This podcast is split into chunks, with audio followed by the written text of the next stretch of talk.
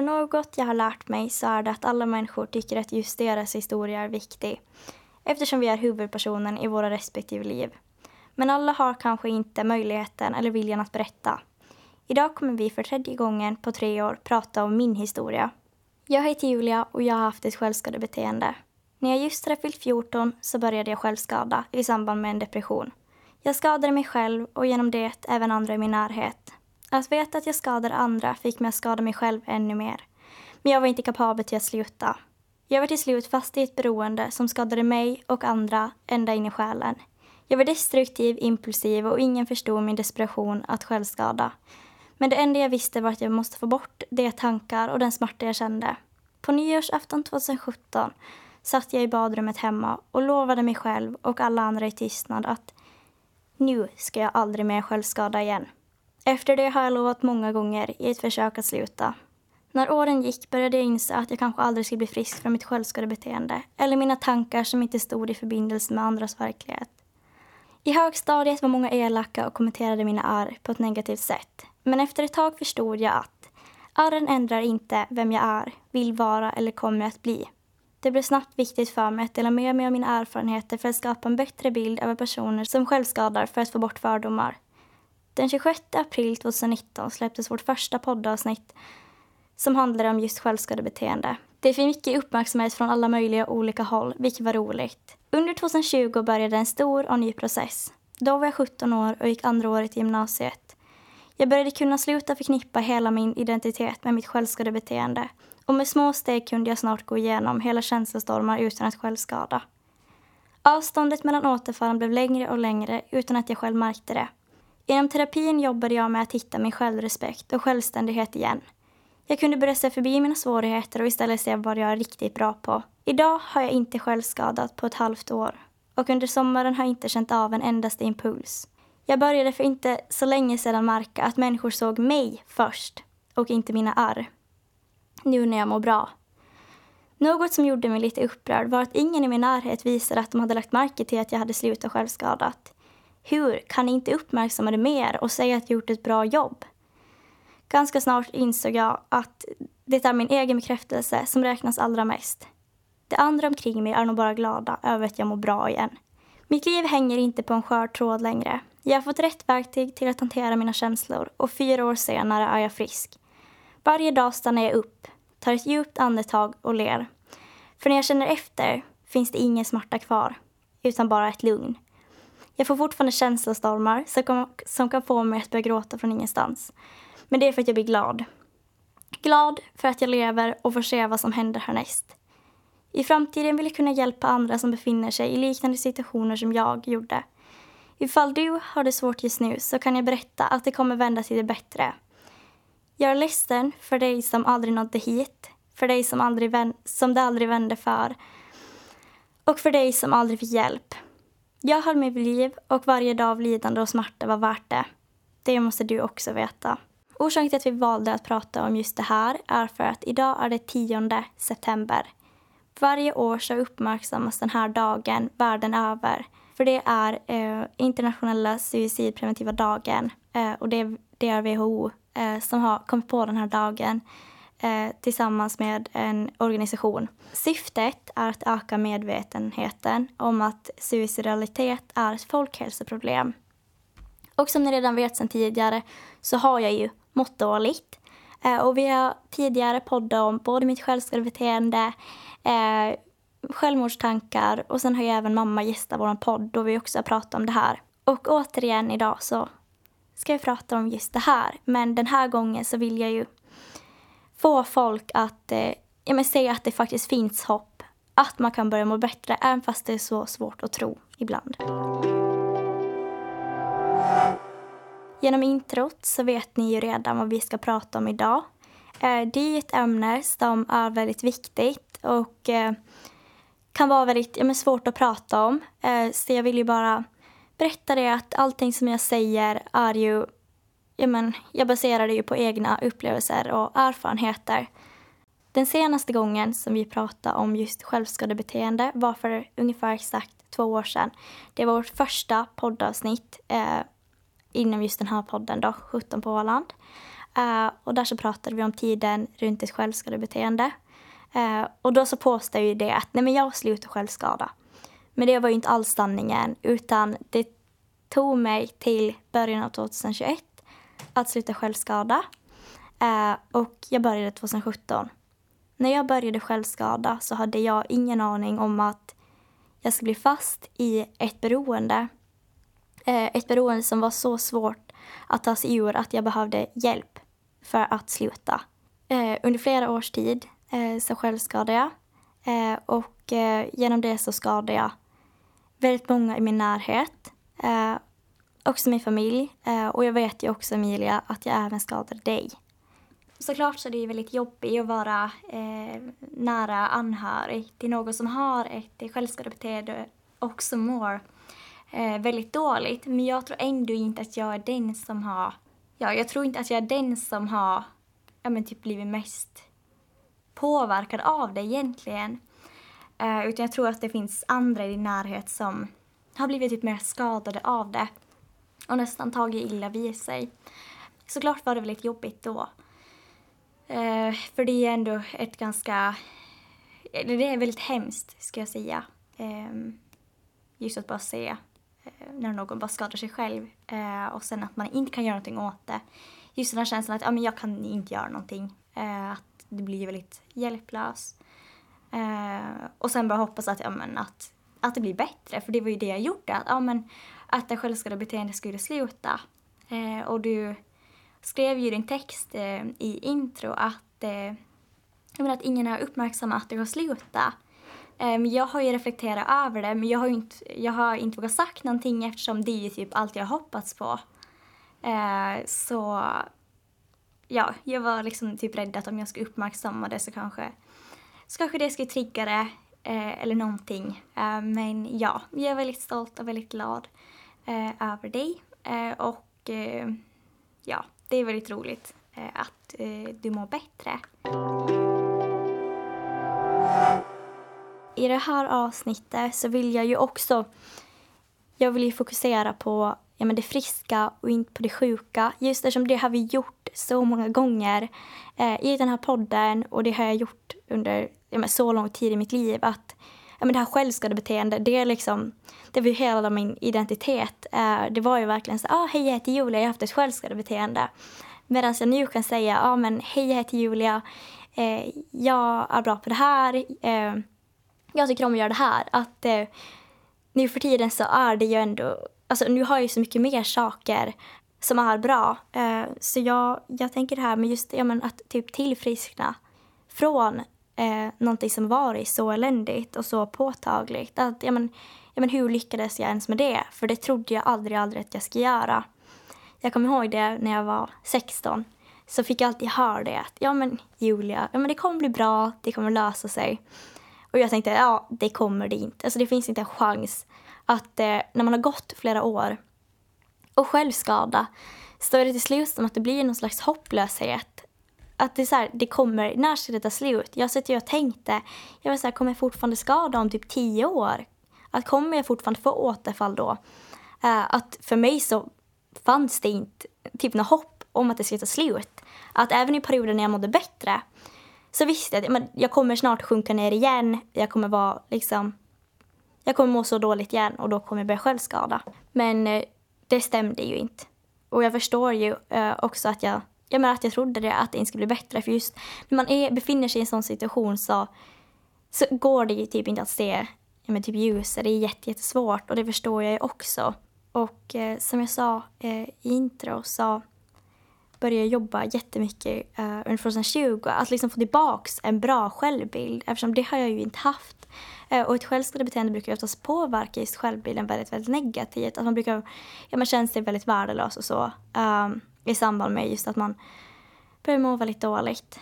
Som sagt så har jag ju inte självskada på ett halvår nu. Eh, men fortfarande i början av 2021 så självskadade jag eh, till och från. Eh, fast det var ju längre perioder då jag inte självskadade, men det hände ju fortfarande. Och jag hade jättemycket problem med ångest. Jag hade jättemycket ångest. Men jag kunde ändå hantera det utan att självskada för det mesta.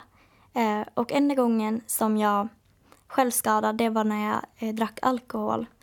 Eh, och då kunde jag bli jätte så impulsiv och ja, att jag ville ta livet av mig och sånt. Så ganska snabbt så konstaterade jag det att nej, jag kan inte dricka alkohol. Uh, och det tycker jag ju att är väldigt viktigt just om man mår dåligt eller om man till exempel har ett självskadebeteende. Just att man ser till att inte trigga det, ja, typ på det sättet som jag gjorde. Jag visste ju att när jag dricker så kommer det ju hända ja, men, tokiga saker men ändå gjorde jag det. Och det är ju väldigt destruktivt. Och just när man mår dåligt så är det ju lätt att man blir destruktiv. Men ett tips kan ju vara att undvika sådana saker som du vet att skadar dig. Uh, för det underlättar ju också ett tillfrisknande. Uh, så jag slutade dricka alkohol och jag uh, gjorde slut med min kille. Och efter det så har jag inte självskada. Uh, och uh, i början så hade jag väldigt svårt att tro att det faktiskt var bra. Uh, just eftersom jag har ju tidigare alltid fått liksom, de här återfallen, jag har alltid börjat må dåligt igen. Så jag tänkte det, jag bara, men vilken dag som helst nu så kommer jag ju krascha. men sen så började jag inse att nej, jag kommer inte krascha.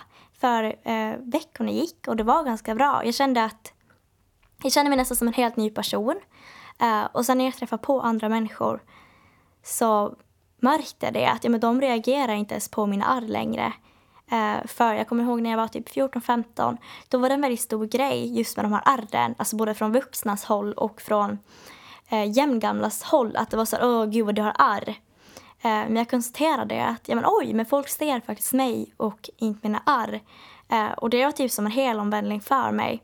För jag tycker det är, det är klart man, man dömer ju alltid en person liksom.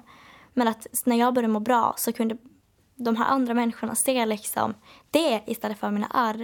Uh, eh, och de har ju fått en mindre och mindre betydelse för mig. Jag har ju trots allt ärr uh, eh, överallt.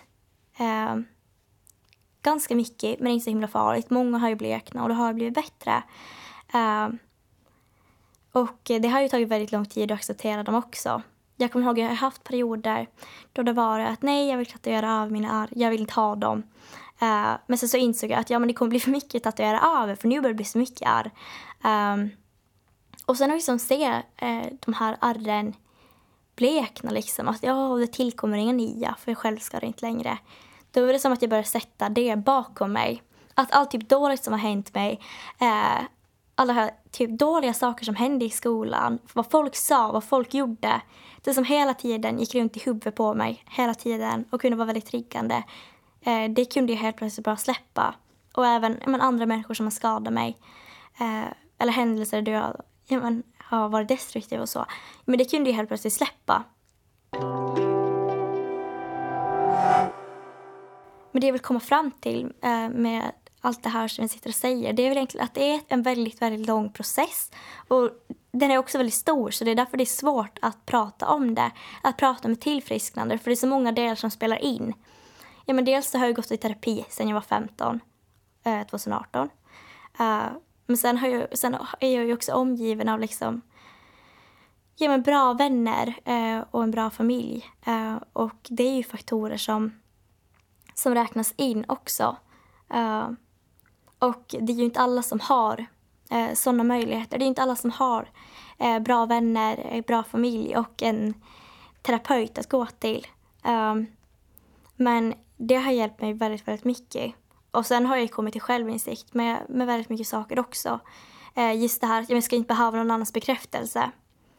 Att inse det, för det är, det är också väldigt svårt för man vill ju fortfarande ha andras bekräftelse men man, kan ju inte vara beroende av det. Så när jag konstaterar att ja, men ingen med familj, ingen av mina vänner har varit så ah bra jobbat. Jag har märkt du har inte självskada överhuvudtaget. Det är jätteskönt för mig liksom. Men jag fick aldrig typ höra det. Så det blev jag att tänka det att ja men varför har ingen sagt någonting? Sen så var jag så här, jag sa till min vän och bara ah, men har inte du tänkt på det då? Och han var så här, ja men det är väl bra. Och då blev jag tog lite illa vid. Jag var så här, vadå? Att det är bra. Jag var så här, för mig var det så mycket större. Eh, ja, det är så mycket större för mig för det har varit en så lång resa. Så för mig så är det ju så mycket mer. Jag tror det är därför just också som man vill prata om det. Eh, att jag vill prata om det för den orsaken. Just för att det är, det är väldigt viktigt för mig och det är väldigt viktigt för mig att få andra att ja, men se typ det här hoppet, att det kommer bli bättre. Att kunna höra någon som har befunnit sig i en likadan situation som man själv just gör då. Eh, för för mig så jag tyckte inte alls om när folk sa att ah, det kommer bli bra, det kommer bli bättre, jag finns för dig. Ingenting av det funkar. Så jag tror att om man får typ mer konkreta bevis på att ja, men det kan vända, det kan bli bra. Man måste bara få ja, men hjälp och rätt förutsättningar för det. Um, jag hoppas ju inte bara heller kunna hjälpa människor som mår väldigt dåligt utan jag hoppas ju även att kunna hjälpa människor som kanske har det lite svårt ibland för det har vi ju alla och jag tror ju att alla människor har känt av ja, men livets mindre bra sidor någon gång för det gör vi ju alla. Det kan ju vara till exempel eh, en förlust, men att man mister någon nära eller någon jättehård motgång, att det är ju en del av livet. Det kan ju, exakt som du säger, hjälpa sådana som befinner sig i andra kriser eller har det svårt på ett annat sätt. Och sen så, ja det kan ju just hjälpa i lite vardagliga situationer som jag mår ju inte alltid jättebra heller. Och då kan det ju hjälpa att höra det här just ifrån någon som har mått så dåligt att ja men det blir bättre. Och om någon som har varit i en djup depression säger att det blir bättre så kommer det troligtvis också bli bättre för mig som bara mår lite dåligt. Eh, och sen så, just när man pratar om depression, självskadebeteende och så Eh, så ger det ju också ökad förståelse för andra psykiska sjukdomar. Eh, det finns ju en hel mängd av dem. Ehm, alltså just, vi behöver ju öka förståelsen men även men öka det här hoppet, att ja, men jag kan bli frisk. Alltså, för just det är ju många som till exempel inte söker hjälp. Ja, men att söka hjälp för sina psykiska eh, problem eller, sjuk, eller om man har en sjukdom till exempel, det hjälper ju. För då kan du vara symptomfri eller tillfriskna helt. Uh, och det är ju väldigt härligt att just höra typ på en solskenshistoria uh, att uh, jo, men det har blivit bättre. Uh, och i sådana fall kan det bli bättre för dig också. Ehm, och jag tycker att det är väldigt upplyftande just eftersom det känns som att man hör väldigt mycket om det här men folk mår, mår dåligt, den psykiska ohälsan blir eh, ökar bland unga och så vidare. Men då ska man även tänka på att det är många som faktiskt tillfrisknar, som tur är. Att man får inte glömma den här positiva biten jag kommer ihåg själv att när jag började självskada så satt jag och läste på jättemycket om det. Eh, kanske för att men få typ en lite bättre bild av men vad är det här. Att just att få det här att ja, men jag är inte ensam i det, det finns flera som självskadar. Eh, och det var just när jag läste på om det som jag kom in på typ, ja, lite konstiga sidor, med Flashback typ.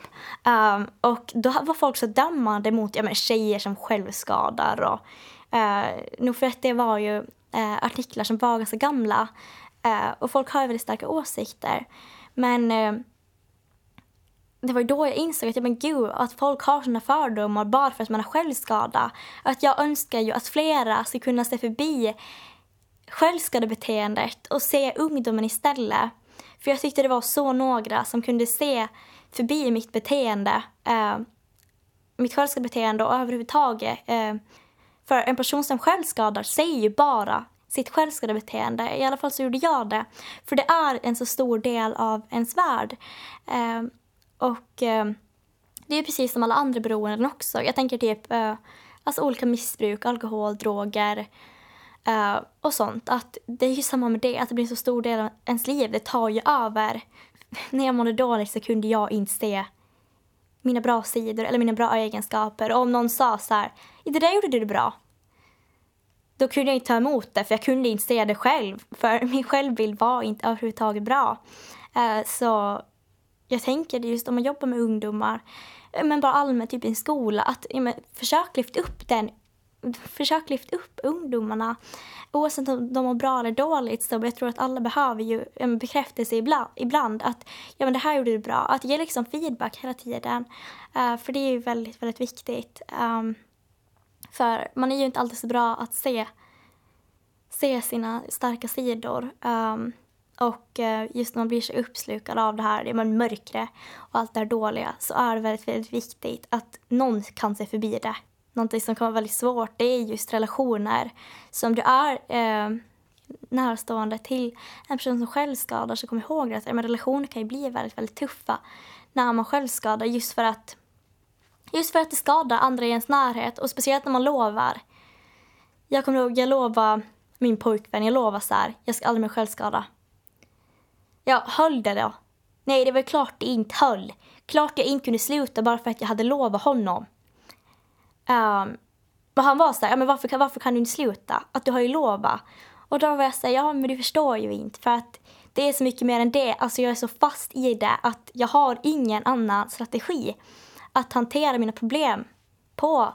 Uh, och det handlar ju mycket, alltså det är mycket det typ tillfrisknande handlar om också. Att man hittar andra strategier och får andra verktyg för att kunna hantera sina känslor. För det är ju ofta känslorna som gör att man själv skadar. Att när det gör så fruktansvärt ont igen, så fruktansvärt ont att man inte vet vart man ska ta vägen. När det inte längre går att vara kvar i sitt huvud, i sina egna tankar. Det är då jag självskada. Det är då jag självskada för att få ja, men, utlopp av det. Uh, på något sätt. För att det är liksom Alltså det blir ju som ett jättehögt tryck. Alltså det är som övertryck i en eh, sån här eh, ga gasbehållare på ett sjukhus typ. Um, med syre, det är typ en sån. Så när, när den blir överhettad, då finns det risk att den exploderar. Och det var precis så det var för mig. att Om jag inte skulle självskada så skulle jag liksom explodera. Att jag, jag visste inte vart jag skulle kunna ta vägen. Um, och just den här desperationen som liksom tar över allt annat. Alltså ens resonemang, ens sunda förnuft. Utan man, går, man är bara i den här känslan. Och det är när man är så högt i känsla så måste man ju också man måste ju lära sig att ja, men hur ska jag komma ner i känslan då? För att kunna men, fatta ja, men, bättre beslut och bli av med den här impulsiviteten.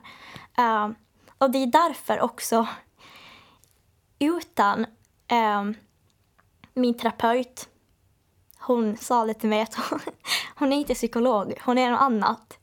Så nu kallar jag henne för terapeut istället. Eh, att ja, men utan hennes hjälp så skulle jag ju aldrig ha kommit dit jag är idag. Antagligen så skulle jag ju inte ens leva liksom. Um, för det har jag aldrig trott. Alltså, alltså jag har ju aldrig trott att jag skulle leva. Och jag har ju aldrig trott att jag skulle vilja leva heller. Alltså jag har tänkt verkligen att, ja, att leva, det kommer jag göra för att jag inte vågar ta livet av mig, inte för att jag vill. Uh, och sen så att komma till den dagen då man känner så att jag vill, jag vill leva. Och varje dag så uppskattar man liksom alla saker. Alltså det kan liksom vara så här, typ de minsta sakerna. Och liksom, alltså på något sätt så är det ju så fint att efter de här åren och sen ju att liksom få leva och kunna liksom stanna upp och känna efter och känna så här att allting känns bra. Jag känner inte en endaste negativ känsla. Det är liksom ljust igen. Typ som när jag var liten liksom. Och går runt så varje dag. Alltså det är liksom, det är ju ingenting som jag trodde skulle hända. Eh, så när folk sa till mig att det kommer bli bra så kunde jag ju inte tro det. Jag trodde ju aldrig att jag skulle gå runt eh, nu när jag är 18 år och liksom vara lycklig. Och ibland blir jag så här, men ingen förstår min glädje typ. Och jag, ibland är det svårt att uttrycka den också. Men som jag kan sitta i bilen så kan jag helt plötsligt börja gråta för att jag är så här, jag är så glad att jag lever. Men folk som inte har mått dåligt förstår ju inte det. Men för mig så är ju liksom varje dag så speciell. Varje dag så speciell för att jag får vara med lite till och jag vill leva. Och därför är det också jätteviktigt för mig att förmedla det till andra att det kommer att vända och det spelar liksom... Och jag vet att det kanske inte spelar någon roll att höra det, men högst antagligen så kommer det göra det. Nej, men det är jättekul just att du har blivit friskare eh, och sen att, eh, att du faktiskt kan, du kan bidra eh, och du kan hjälpa folk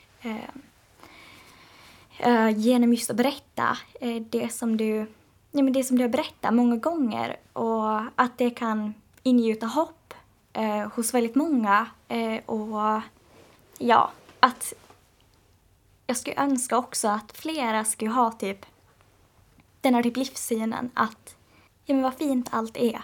Ja, men vad för så, sådana känslor brukar jag också få. Att jag kan absolut relatera till det. Ja, men just att ja, men vad fint livet är. Att ja, men det finns så mycket bra med det. Att jag menar att jag får vara med här. Det ska ju ha varit väldigt väldigt svårt att, ja, att leva utan, utan dig. Vi har ju pratat en del om tacksamhet. Men jag tänker att det finns mer än bara tacksamhet. Uh, jag tänker att det finns de här små sakerna. Att när man mår bra och man är glad, som jag brukar vara nu, då tycker jag det är så extra viktigt att men, typ sprida den här, sprida den här jättebra sinnesstämningen som jag nu har förstått att det typ är. Eh, men, en god sinnesstämning ja, men, kring människor till människor omkring dig, alltså i din närhet eller människor som du träffar nu som då. Eller typ någon lärare i skolan. Att man är så här, ja ah, tack, ja men ha en bra dag. Um, eller så säga till en vän att ja, men jag uppskattar dig. Att eh, som jag, jag har en bra vän. Uh, och förut så sa jag alltid, jag har inga vänner. Men nu har jag blivit så här, jag har min vän. Och då uttrycker jag min tacksamhet över honom. Jag säger det, att jag uppskattar dig väldigt mycket. Du är en bra vän. Jag säger det också till, jag typ min kille. Att oh, jag tycker om dig väldigt mycket. Jag är, glad att, jag är glad att jag får spendera en tid av mitt liv med dig. Att hela tiden säga så. Uh, och typ att även försöka göra till sin familj, även fast det kan vara svårt med de där familjerelationerna ibland. Inte säger jag så ofta till dig att jag uppskattar dig, jag är glad att du... Att du jag brukar vara så här, ja men jag är glad att du bor i mitt hus så jag har någon att prata med. jag brukar inte uttrycka min tacksamhet på det sättet, eller typ min uppskattning. Eh, men det är något som är väldigt viktigt. Och just det här att, att visa att du faktiskt men bekräfta andra, alltså visa din uppskattning. För vissa lever livet som att som att det ska komma flera, men sanningen är ju att det kommer ju inte komma flera liv. Så om du kan göra någon annans liv ja, men lite typ bättre så betyder det ju så mycket. Det betyder jättemycket, så jag förstår inte varför alla människor går runt och bara Nej men gud, jag kan inte ge en, en komplimang till den där människan. Ja men det är klart att du kan. Tänk att få höra, du går på Sparhallen och så får du höra Åh, oh, vad fin, vad fin tröja du har typ. Då skulle du säga, åh tack! Uh, att jag tycker att vi skulle behöva ha lite mer sånt, just det. För det tror jag att det kan betyda väldigt mycket. Men nu kommer vi ju lite uh, ur spåret egentligen, uh, även fast det nu hör till det ändå. Uh, men precis som jag sa i mitt intro så är jag ju väldigt ledsen för dig som, som kanske fortfarande mår dåligt eller som har mått dåligt väldigt länge och du kanske känner att det inte finns något hopp. Um, eller för dig som inte har fått någon hjälp. Um, och sen såklart så är jag väldigt ledsen för de som ja, men aldrig tog sig hela vägen och som valde att avsluta sitt liv för att de inte orkade längre eller för andra orsaker. För att det blev för påfrestande att vakna varje dag. Um, och därför vill jag ju också i framtiden kunna hjälpa andra. Jag vill lära mig att hur kan jag stötta andra individer som mår dåligt på det bästa möjliga sättet. Eh, så det är i alla fall min plan. Och det har jag verkligen bestämt mig att det vill jag göra. Och det har jag alltid vetat från och med att jag var liksom 15. Jag vill kunna hjälpa andra människor. Men sen har jag inte vetat på vilket sätt. Men det är just också att om man kan hjälpa, det är ju så här, det är det här klassiska talesättet, man kan inte hjälpa alla men man kan ju fortfarande hjälpa någon. Och det hoppas jag ju ändå att vi har kunnat gjort eh, med det här avsnittet. Jag vill ju också kunna hjälpa folk. Um, och just när jag läst på om psykiska störningar så skulle jag jättegärna eh, vilja minska de här fördomarna som det finns. Eh, bland annat just eh, med psykoser och de som har schizofreni. Att det är de som döms mest eh, bland psykiska störningar.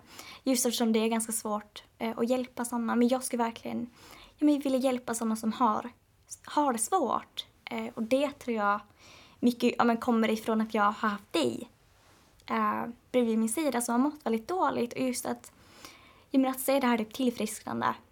Att ja, men det går. Ja, men du har fått jättemycket hjälp, till exempel ja, men av din, ja, din psykolog som inte är psykolog i alla fall. Ja, bara att hjälpa Eh, det ger ju så himla mycket eh, än om man bara gör allt för sig själv. Om ni vill kan ni jättegärna gå in och lyssna på några av våra tidigare avsnitt. Eh, vår podd finns på ja, men alla poddspelare. Så det är bara att söka på vår podd så dyker den ju upp. Och det är ju 17 på Åland fortfarande. Men vi får ju se om vi byter namnet på den. Vi hoppas att ni tyckte att det här var ett bra avsnitt. Så får vi höras i nästa avsnitt. Hej då. Hej då. you